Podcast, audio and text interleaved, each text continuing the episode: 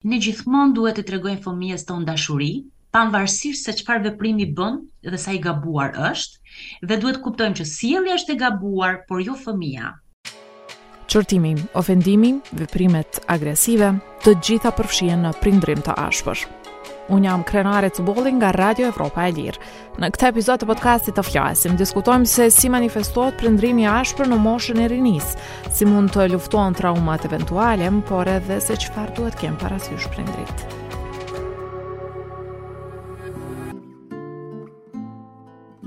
Prindërimi mund të jetë i vështirë. Janë aq shumë vendime që duhet të merrni dhe në aq shumë drejtime. Prandaj ka prindër që ndonjëherë besojnë se nuk janë duke vepruar mirë. Ka edhe të atillë që hamenden, nëse duhet apo jo të jenë prindër të ashpër, nëse kjo është mënyra e vetme, përmes së cilës fëmijët mund të bëjnë diçka. Kjo pasi me raste ka prindër që mund të rrëshqasin nga prindërimi më strikt në atë të ashpër. Për të diskutuar në këtë temë, këtë herë kam ftuar Pranvera Dhimën, punonjëse sociale, e cila aktualisht punon në një qendër këshillimi në Tiranë. Ajo ndihmon të rinjtë në tejkalimin eventual të ndonjë traume nga prindërimi i ashpër, por edhe u ofron këshilla prindërve kur ata përballen me situata jo shumë të qarta. I ftuar është edhe Besnik Peci, psikoterapeut në klinikën Empatia në Prishtinë.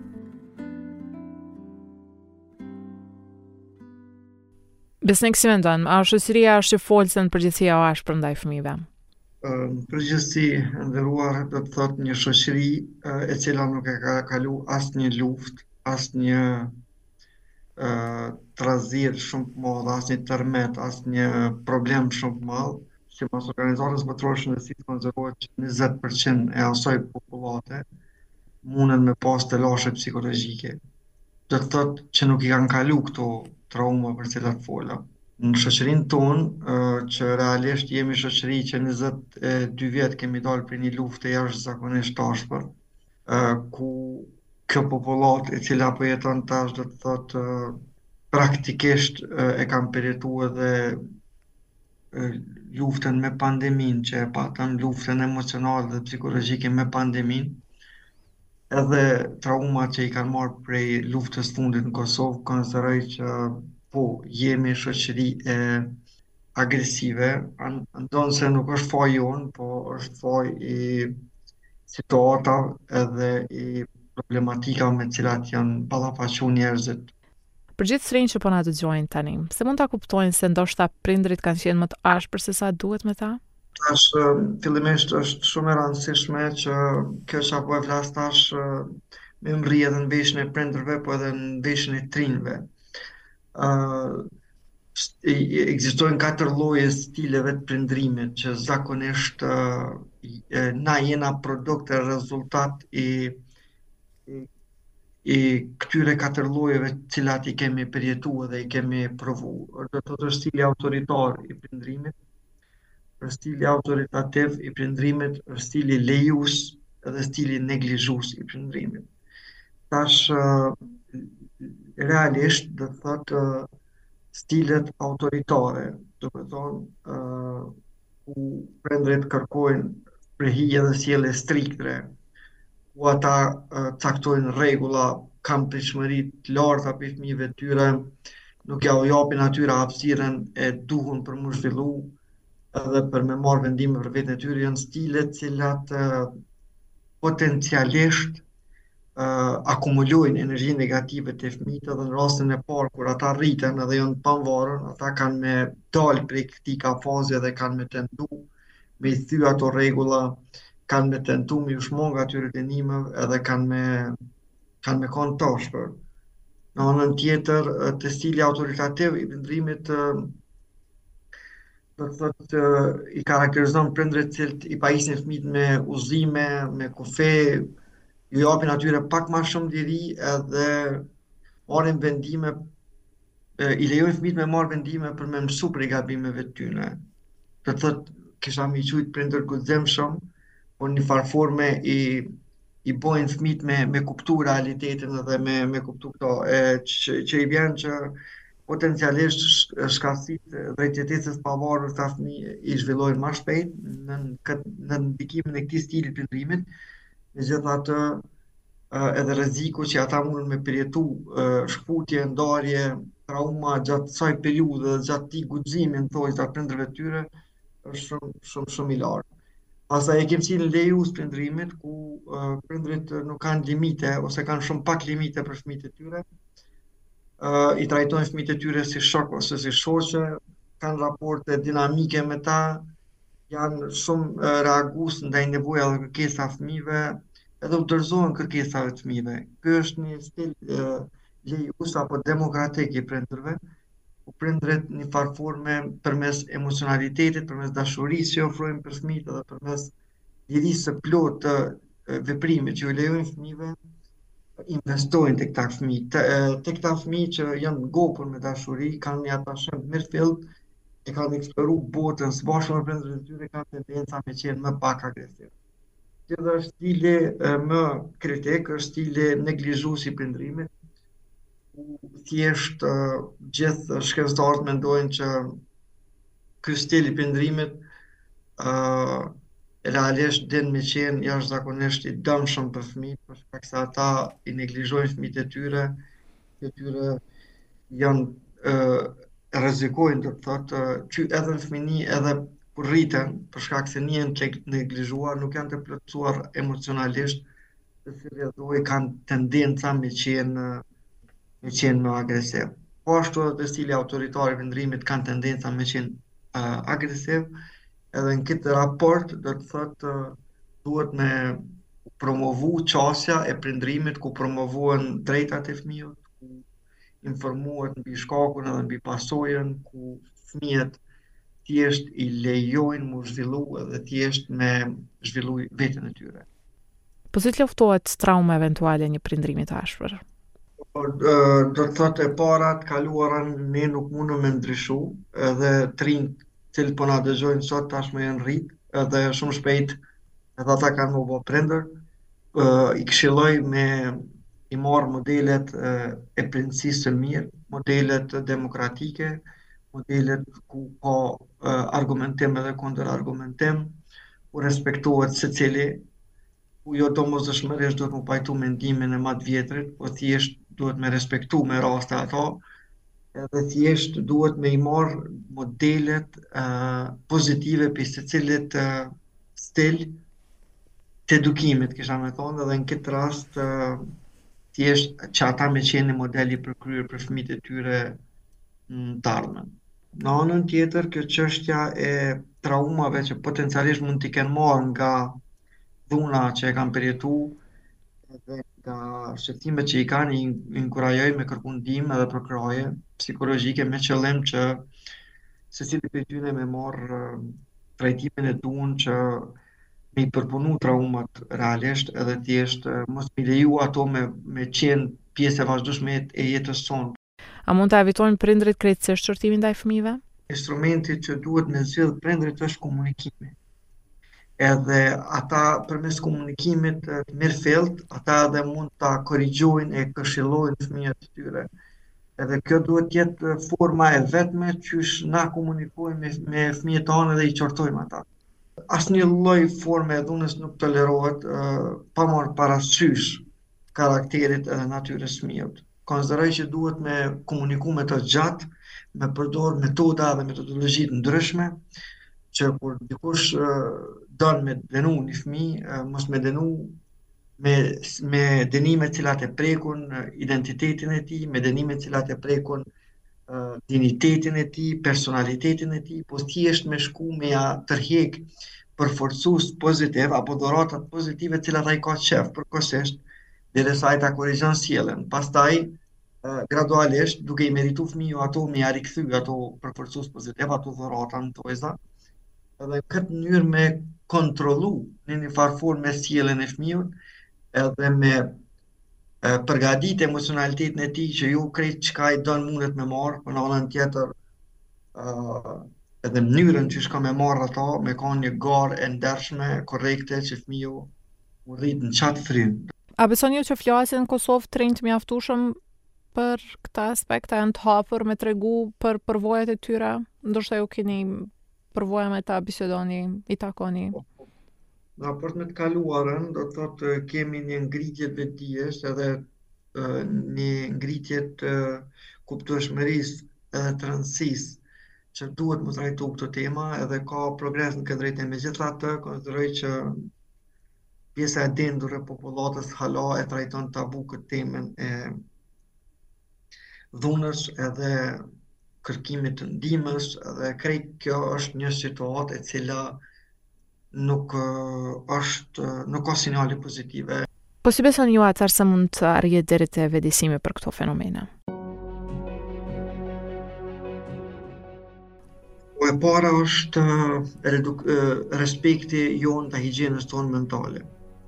do të thotë na jem të ekspozuar dhe bombarduar vazhdimisht prej mediave sociale prej prej më të ndryshmeve për dhunë, për agresion, për për këto gjona. Edhe respekti që kem ndaj vetes, tu i injoru këto gjona, në mënyrë direkte dhe indirekte na e rujmë kujtesën tonë dhe memorien tonë prej tra traumave të kësaj natyre. Thjesht mos lexoni kronikë të zezë, mos klikoni lajme negative, mos rrini me njerëz toksikë. Edhe krejt kjo ka me ju bo që ju me tregu respekt për do të thotë për higjienën e juaj mentale. Edhe në këtë rast konsideroj që është kjo e para. E dyta është përfshirja e psikologëve në shkolla.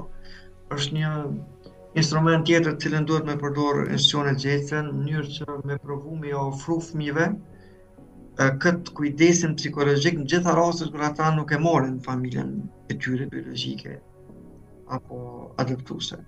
Dhe si rrjedhojë do të thotë në gjitha format e kujdesit, po qe se ata e marrin qysh në fmininë e hershme përkrahjen e psikologut edhe psikologu identifikon n'moshë t'hershme uh, tendencat për sjellje agresive, gjasat që me u kultivu personalitete të shëndetshme janë shumë më të mëdha se sa të thonë. Këto janë dy elemente që unë konsideroj që duhet me i me i shty përpara. Pastaj do të thotë është fokusi te familja. Do të thotë jemi dëshmitarë të asaj që shumica e familjeve në Kosovë më shumë rrinë n'telefon se sa që ndajnë kohë me njëri-tjetrin, ose në televizion. Edhe do të thotë thirrja jem, apeli jem është që me ju kthy njani-tjetrit më shumë. Dashurinë mos me pas si diçka që mundet m'u transferu sikur e mirë fizike, sepse ajo nuk është ashtu, ajo është një proces të cilin duhet me investu çdo ditë, duke e dëgju tjetrin, duke e kuptu tjetrin, duke nda kohë për tjetrin, duke e surprizu tjetrin, Edhe thjesht krejt ky investim që ne e bojmë, është një parandalim, do të thotë që në të ardhmen mos me u zhvillu personalitete të dëmshme.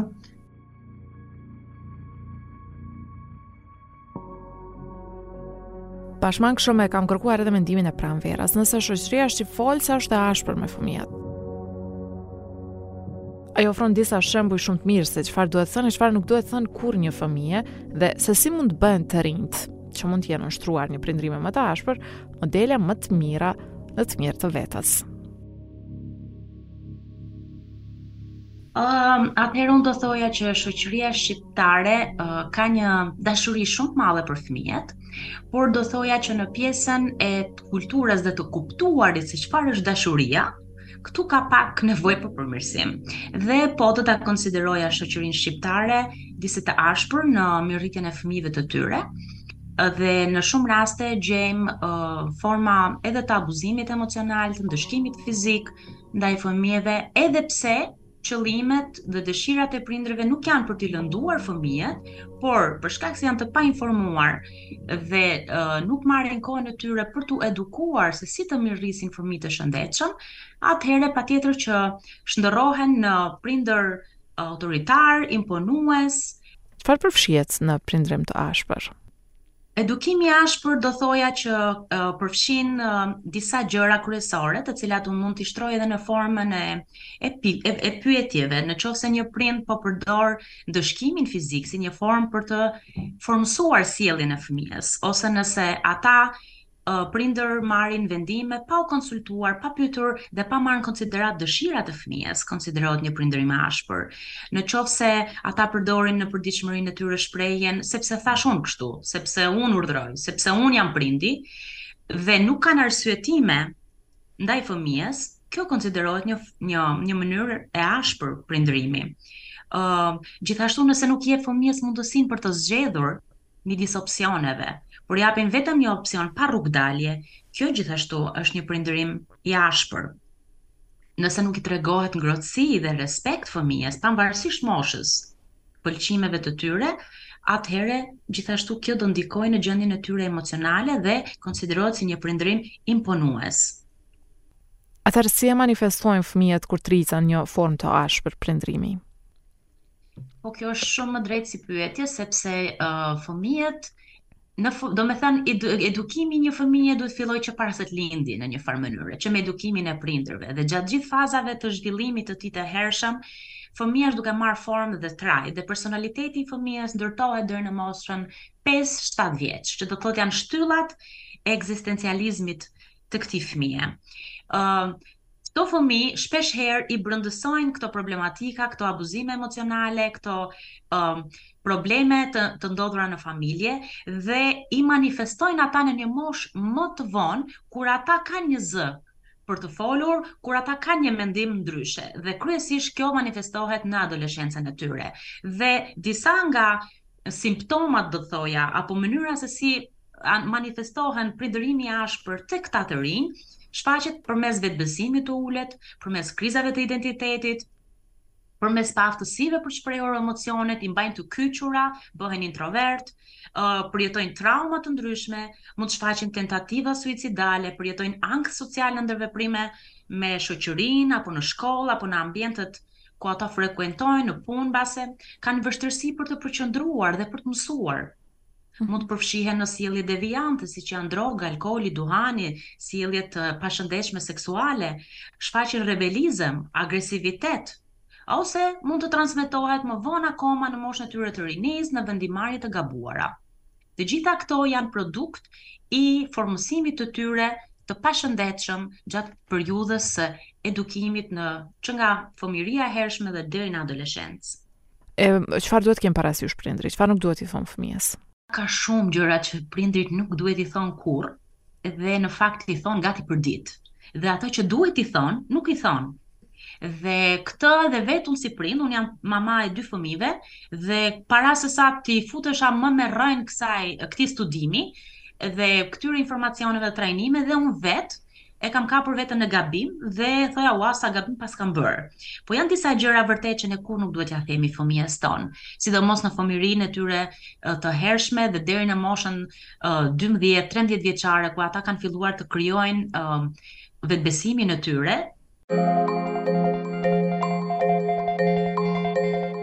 Ti nuk mund t'i thuash një fëmije ti je i keq. Etiketime të formave të ndryshme që ti më acaron, më ngre nervat shumë, ose ti nuk, në, nuk të dua, nuk je i mirë, se nuk je sjellë mirë. Hm? Ose djemtë e mirë për shembull nuk qajnë, ose vajzat e mira nuk flasin. Ose merr shembull nga motra, vllai, shoqja, ku di unë, ë, uh, domethënë, ë, uh, forma të ndryshme të um, të etiketimit, forma të ndryshme të të qenit i pamjaftueshëm që fëmija arrin të kuptojë që unë nuk jam i mirë mjaftueshëm. Edhe një nga gjërat më të rëndësishme që duhet të mësojmë ne si prindër është që të ndajmë fëmijën nga sjellja. Ne gjithmonë duhet t'i tregojmë fëmijës tonë dashuri, pavarësisht se çfarë veprimi bën dhe sa i gabuar është, dhe duhet të kuptojmë që sjellja është e gabuar, por jo fëmija. Fëmija është një, le të themi si plastelina, atë formë që ti punon dhe i jep, atë formë do marrë. Patjetër që njeriu ka tendencën të bëjë të keqen më lehtë sesa të mirën dhe ti e shikon këtë dhe tek fëmijët e vegjël, që kur fillojnë të mësojnë të flasin, ata fillojnë format e tyre të para të gënjeshtrës. Dhe në momentin që i thua ti je fëmijë i keq, se gënjeve, pa e kuptuar arsyet pse ai gënjen dhe në fakt gënjeshtra në atë moshë është shumë e shëndetshme sepse zhvillon imagjinatën e fëmijës dhe nuk është duke gënjyer me qëllim, por është pjesë normale e rritjes së fëmijës, atëherë fëmija nuk kupton që unë jam i keq se gënjeva, po unë jam i keq se i tillë jam.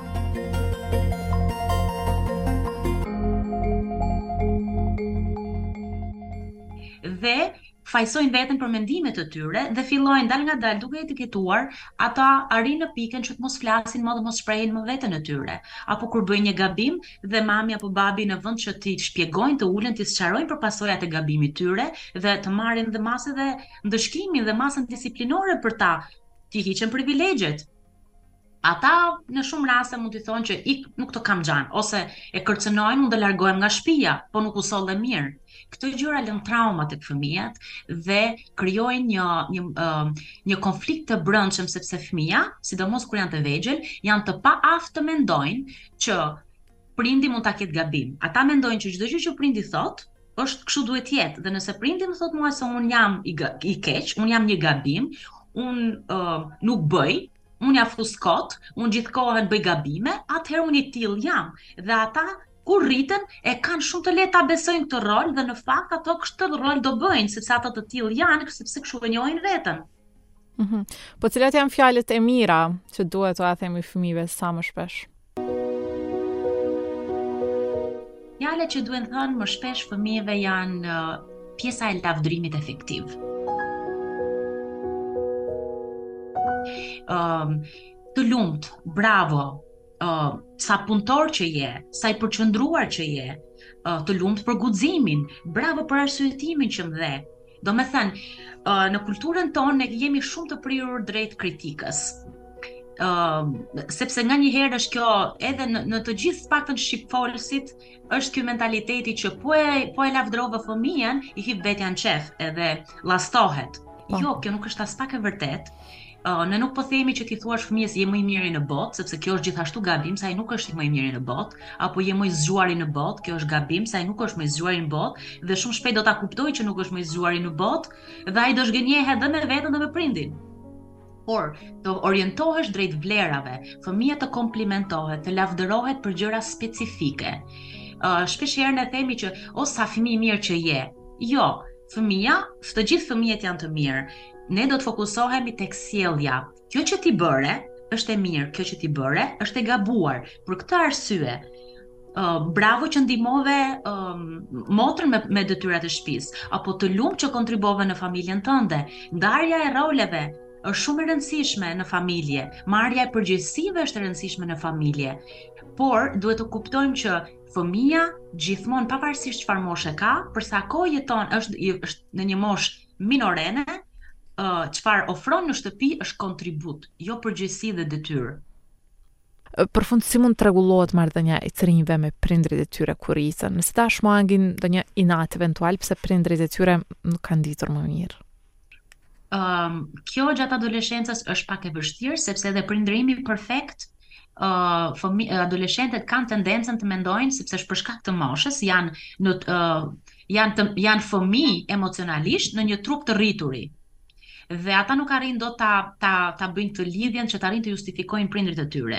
Dhe kjo gjë nuk para ndodh në adoleshencë për t'i mirëkuptuar prindërit, qoftë dhe për gabimet e tyre, kjo ndodh në një moshë pak më të pjekur, kur ata kanë filluar dhe kanë pasur dështimet e veta të para, edhe pse janë përpjekur, por nuk ja kanë dalë dhe ata kuptojnë që ok, të gabosh qenka njerëzore dhe nuk jam as unë i përkryer. Ka raste që të personave që këtë fajësim e kanë si justifikim për mosarritjet e tyre dhe e përdorin tërë kohës për viktimizim që unë kështu kam patur familjen, prandaj edhe unë sillem kështu dhe nuk duan të paguajnë çmimin për të ndryshuar ata vetë, kështu që tërë kohës qëndrojnë në të shkuarën duke fajësuar prindërit, por ka shumë raste të tjera të cilat mësojnë të kuptojnë kontekstin e prindërve, arrijnë të justifikojnë sjelljet e tyre dhe të falin dhe të ecin përpara, duke u përpjekur që tek vetja e tyre ata të kenë një uh, një prindërim të ardhshëm, më të suksesshëm apo të ta përmirësojnë sjelljet e tyre dhe përpiqen me çdo kusht nganjëherë dhe të japin uh, t'i bëjnë ata prindër të të të ndihen mirë me arritjet e tyre, qoftë edhe për t'u provuar që ata kishin gabim, Kur i akuzonin, për shembull, që ti nuk do ja dalësh asnjëherë, ose ti nuk mund të ecësh përpara.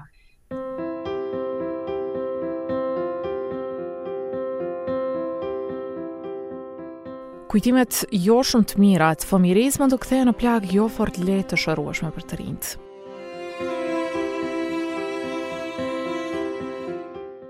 Mirëpo kërkimi i ndihmës profesionale mund të jetë një ide e mirë në këto raste. Psikologët mund t'ju ndihmojnë që ta kaloni më shpejt atë situatë. Nuk keni pse të jeni vetëm.